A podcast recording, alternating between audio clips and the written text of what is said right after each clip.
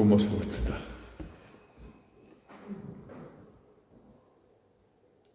Heilig Heilig Heilig is die Here van die leerskare. Die hele aarde is van sy teenwoordigheid vol. Amen. Gemeente genade vir julle in vrede van God ons Vader, van Christus Jesus ons Here en van die Heilige Gees.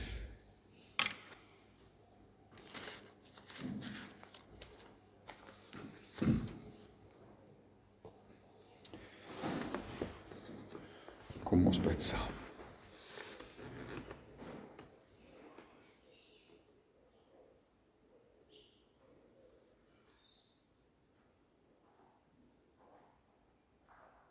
Ons aanbid U vanoggend, Here. Vader, Seun en Heilige Gees. U die almagtige alwyse God. U wat alles gemaak het, ons het gesing dat U net gepraat het en en dit was daar.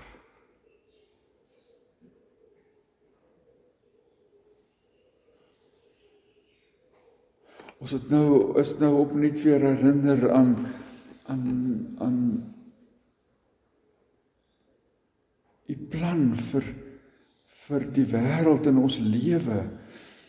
En Here, ons moet kom bely dat ons dikwels sukkel om met ons hele hart en met ons hele siel en met ons hele verstand en met al ons krag vir u liefde hê. Here ons ons sukkel om vir u bokant onsself lief te hê. Ons sukkel om ander lief te hê soos onsself. Maar dankie Here dat U ons ook nou weer kom herinner dat U ons skoon was. Ons is nou in lydenstyd, in die tyd waarin ons ons stil staan by U lydensweg en veral ook U kruis. Here Jesus wat vir ons skoon was. die sonde en die dood oorwin het ook in ons lewe sodat ons saam met U nuut kan leef. Daarom is ons hier ver oggend Here want ons wil vir U leef. Ons wil nuut wees. Ons wil anders wees as die wêreld. Ons wil 'n verskil maak in hierdie wêreld en dis ons gebed. Here seën ons ver oggend. Ook wanneer ons nou U woord lees, daaroor nadink wil U dit in ons harte skrywe sodat wanneer ons hier uitgaan ons ook met nuwe verstaan en met nuwe geloof en met nuwe vreugde sal leef. Ons bid dit in Jesus se naam. Amen. Ons lees ver oggend uit Eksodus hoofstuk 17. Die leesrooster teks vir vandag. Die Israeliete is in die woestyn. Um, julle sal um, weet dat hulle in Egipte was en dat die Here hulle daar uitgelei het na hy baie moes um worstel met die farao se boosheid dan uiteindelik in Eksodus 14 ehm um, is die verlossing finaal as hulle deur die Rietsee trek of die Rooi See soos ons al gesê so ehm um, en dan hoofstuk 15 van Eksodus is die lied van van Miriam uh Israeliete se oorwinningslied en die lied van Miriam. En so ons is nou hier in hoofstuk 17 baie baie vroeg nog in die uittog, nee, ek meen ehm um, hulle is nou maar seker 'n week of 3 in die woestyn En dan lees ons nou in hoofstuk 17 vers 1 nadat die hele volk Israel uit die sinwoestyn vertrek het, het hulle op bevel van die Here van plek tot plek gegaan totdat hulle by Refidim kamp opgeslaan het, maar daar was geen water vir die volk om te drink nie. Toe die volk met Moses rusie gemaak en gesê: "Gee jy vir ons water om te drink?" En Moses antwoord hulle: "Waarom maak julle rusie met my? Waarom stel julle die geduld van die Here op die proef?" Maar die volk was dors en hulle het vir Moses verwyd: "Waarom het jy ons uit Egipte laat optrek om ons en ons kinders en ons vee van dors te laat omkom?" Daarna het Moses tot die Here geroep: "Wat moet ek met hierdie volk aanvang? Net te gooi hulle my met klippe dood."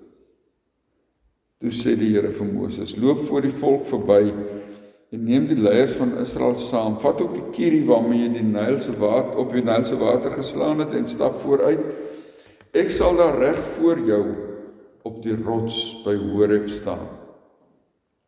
Dan moet jy teen die rots slaan en daar sal water uitloop vir die volk om te drink. Moses het dit toe gedoen voor die oë van die leiers van Israel. Hy het die plek Massa en Meribah genoem omdat die Israeliete daar met Moses rusie gemaak het en ook omdat hulle die geduld van die Here op die proef gestel het toe hulle gesê het is die Here by ons of nie. Dis die woord van die Here. Is die Here by ons of nie?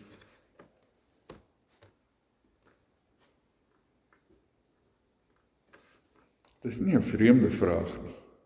Dalk het jy dit self ook al gevra.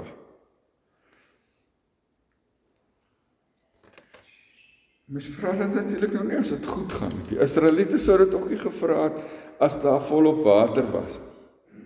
Jy vra dit um, as dit swaar gaan want dan is dit nie so maklik om die Here se teenwoordigheid ehm um, te beleef nie.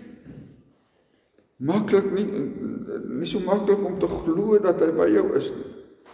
Maar as daar probleme opduik, as daar siekte is of hartseer of krisis in jou huis of of of in jou finansies of by jou werk as jy in die noute is en jy bid en jy bid en jy bid maar jy kry nie antwoord nie. Lyk nie vir jou of 'n uitkoms is nie. Dan begin jy hierdie soort vraag vra. Is die Here hier? Is hy by my of nie? Soos die Israeliete gevra het. Waar is God as ons hom nodig het? Ons vergaan van die dors. En hier's nie water nie. En hulle geredeneer, dis nie hulle skuld dat hulle daar is nie. Moses het hulle tot daar gevat. Eintlik natuurlik nie Moses nie, maar die Here en, en en dit is dikwels ook deel van ons verwyte. As die Here se skuld wat wat dit so sleg gaan. Hy kon dit mos anders gereël het. God en Moses het hulle so toe gevat. Plek sy hulle in Egipte gelos het dan dan ehm um, het dit beter gegaan so redeneer hulle dan het hulle genoeg water gehad om te drink. Ons vergeet mos maklik. Hoe swaar dit gegaan het as as ehm um, en jy onthou net die goeie dinge nie. Dis mos maar hoe ons is. Ons onthou die goeie en vergeet die slegte. Vergeet hoe hulle daar in Egipte gekerm het oor die onderdrukking van van Farao en sy slawe drywers. Maar kom ons wees nou maar dood eerlik as ons na hierdie stukkie kyk, moet ons raak sien dat dit regtig 'n krisis was. Hulle was dors, hulle kinders het gekerm omdat daar nie water is nie. Hulle vee het swaar gekry. En die skrywer erken dit self, daar was geen water vir die volk om te drink, hy sê in vers 1. 'n Mens kan hulle frustrasie, hulle hulle benoudheid goed verstaan. 'n Mens kan selfs verstaan dat hulle vra vra oor God en sy sorg of sy teenwoordigheid. Want as die lewe jou druk en jy roep na bo, maar jy kry nie antwoord nie, dan raak 'n mens paniekerig.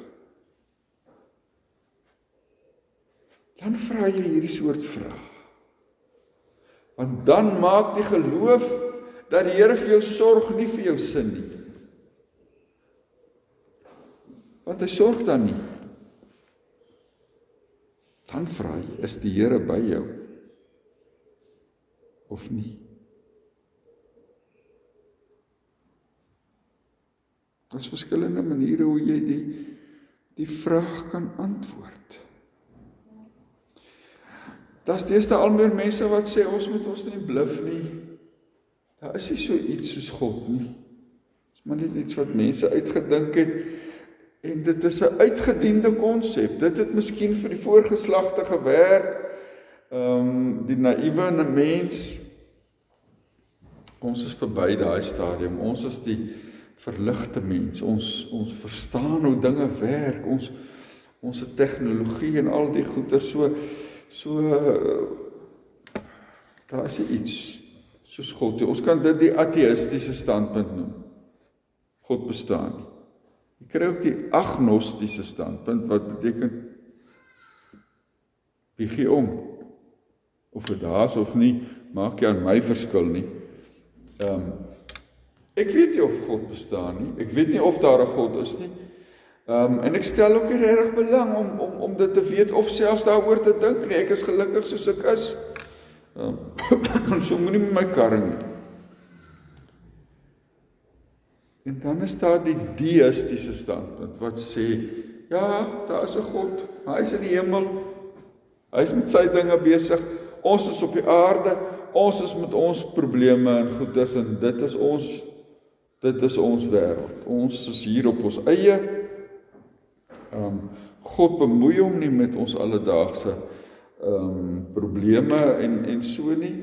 En so dit help eintlik om te bid nie. Gebed is eintlik maar om met jouself te praat. So gebed is eintlik jy bluf jouself. Miskien troos jy jouself 'n bietjie as jy bid, maar maar dit dit is nie asof jy met 'n 'n wese groter as jouself praat nie.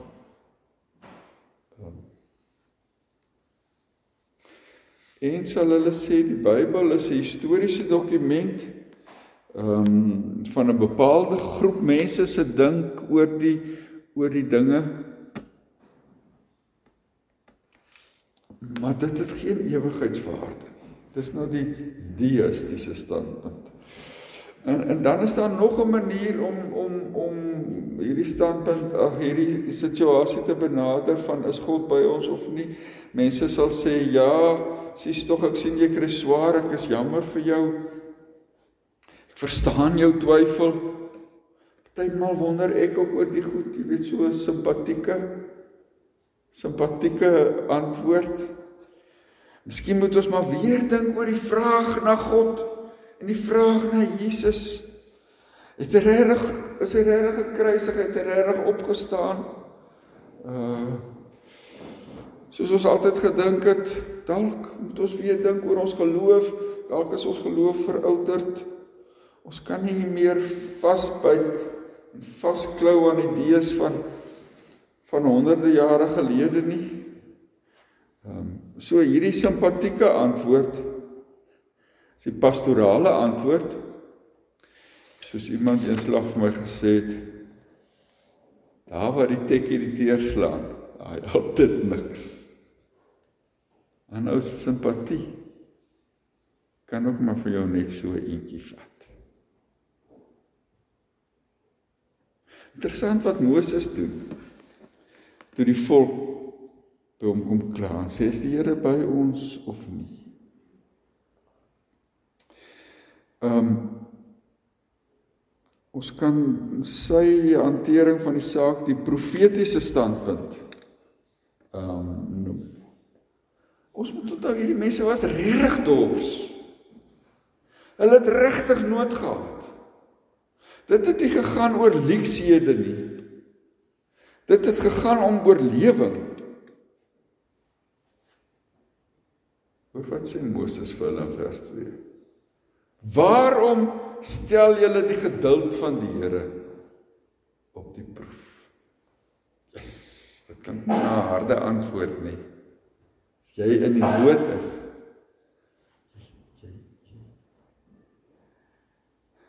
jy sug oor dit sleg gaan as sê iemand vir jou, jy stel die Here se geduld op die proef.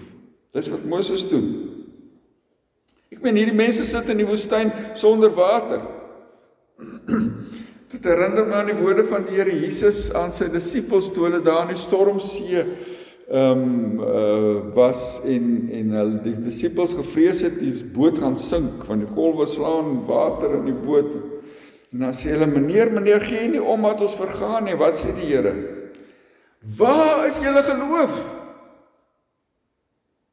Waar is julle geloof? Hoekom stel julle die geduld van die Here op die proef sê Moses?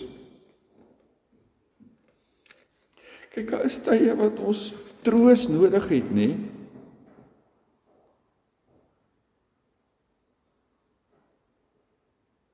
Dit wil die Here ook gee.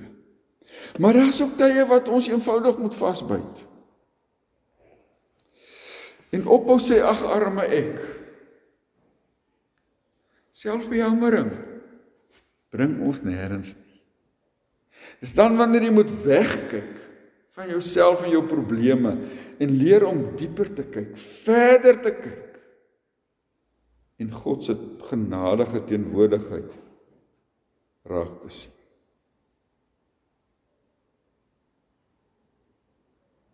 Dis die geloofskyk. Dis soos Moses gekyk het.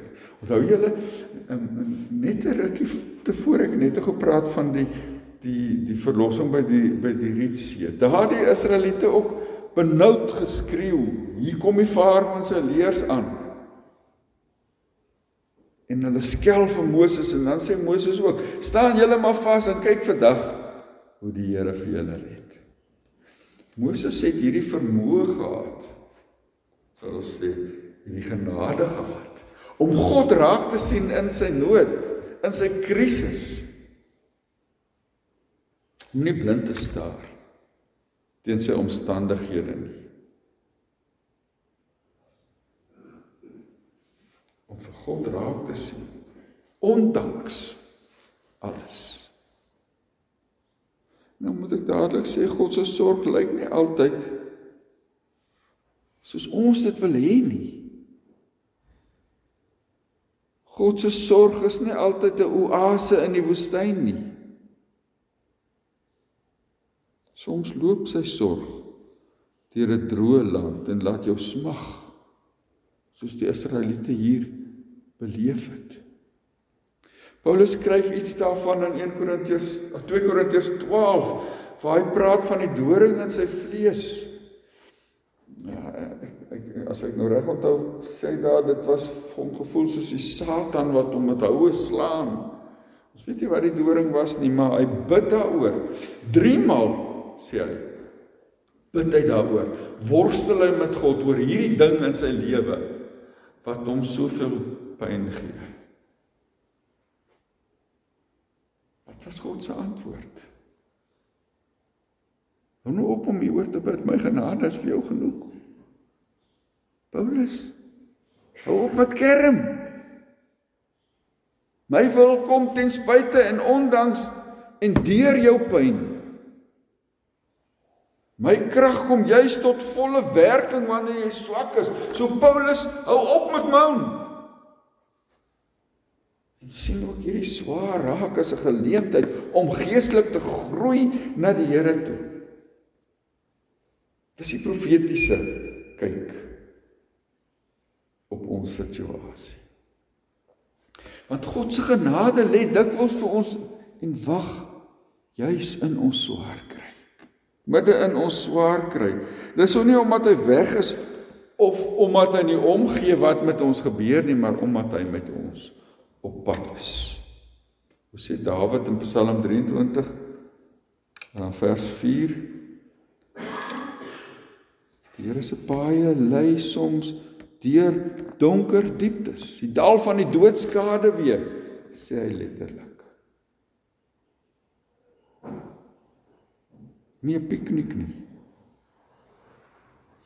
In Deuteronomium 8 vers 2 en 3 verduidelik Moses dit so. Hy sê: "Jy moet onthou hoe die Here jou God jou nou 40 jaar lank in die woestyn gelei het. Hy het dit gedoen, luister nou, om jou nederig te laat word." en om jou op die proef te stel sodat jy kan sodat hy kan weet wat jy dink en of jy sy gebooie geho sal gehoorsaam of nie. Hy het jou laat swaar kry, laat honger ly en toe met manna gevoed iets waarmee nog jy nog jou voorvaders bekend was. Hy het dit gedoen om jou te leer dat 'n mens nie net van brood leef nie maar dat hy leef van elke woord wat uit die mond van God kom. Jou swaar kry en jou nood en myne is nie sommer net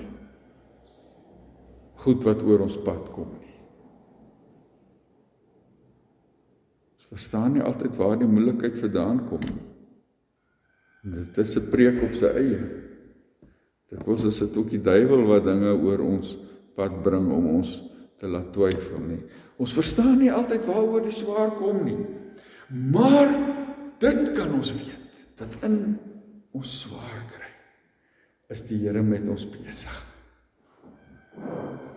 Paulus skryf daar as dit in Romeine 5 swaar kry kweek volharding en volharding kweek egtheid van geloof en egtheid van geloof kweek hoop En die hoop beskaam nie omdat God sy liefde in ons harte uitgestort het.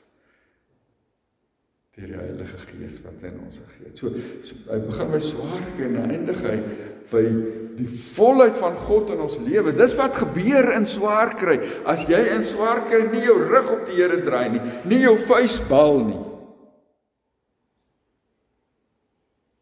Maar bid om nog geloof bid om 'n beter verstaan, om 'n helder sien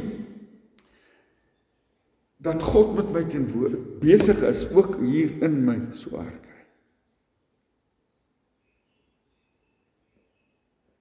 Dis wanneer God sy doel ook deur die swaar kry in jou lewe bereik.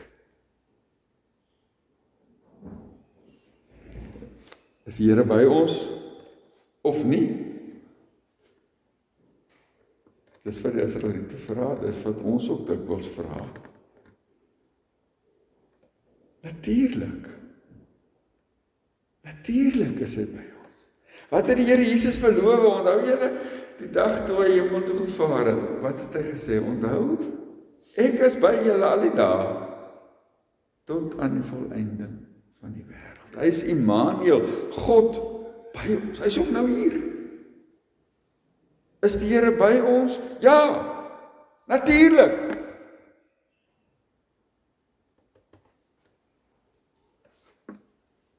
Die vraag is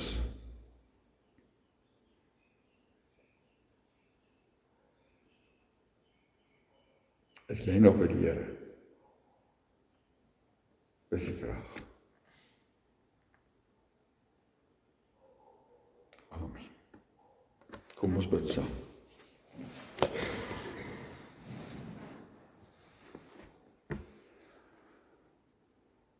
Here ons hou so daarvan om gesalf te word met u woord en getroos te word en Partymal voel ons om soos die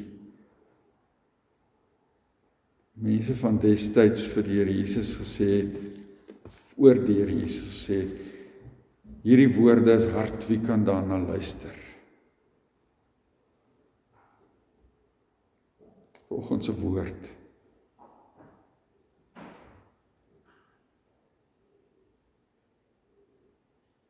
krap ook in ons eie seer en pyn.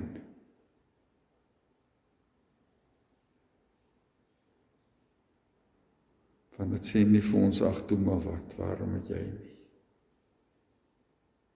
Dit sê byt vas.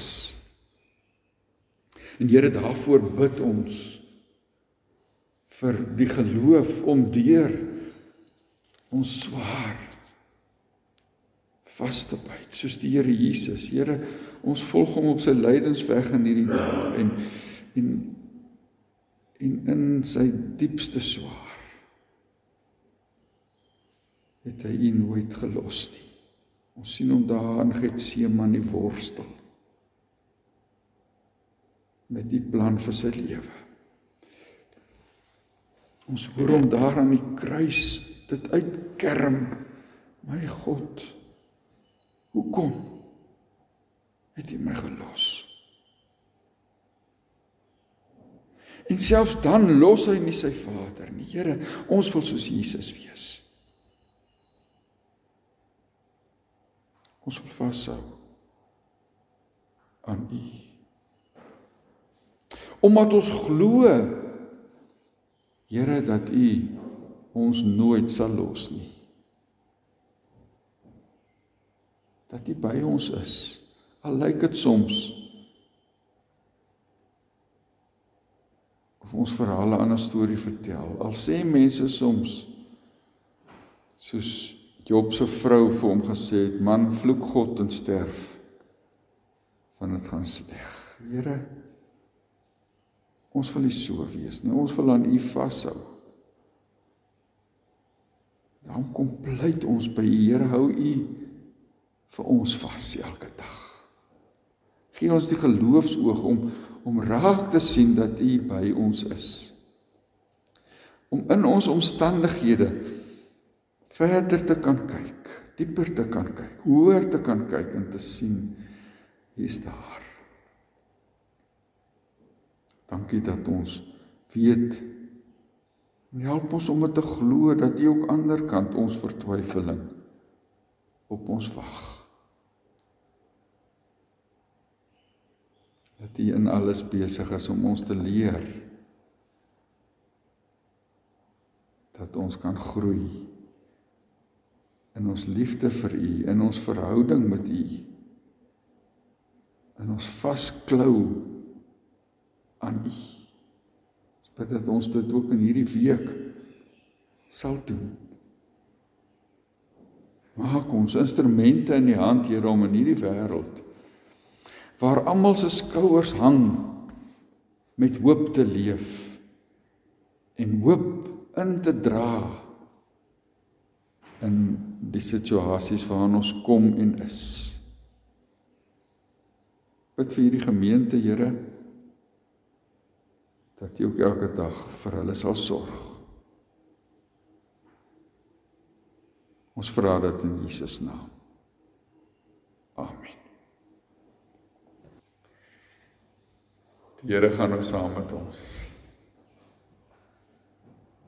Mag jy bewus wees van sy sorg en sy teenwoordigheid, die genade van ons Here Jesus Christus en die liefde van God, ons Vader en die gemeenskap van die Heilige Gees, ons voorspraak bly by julle almal. Amen.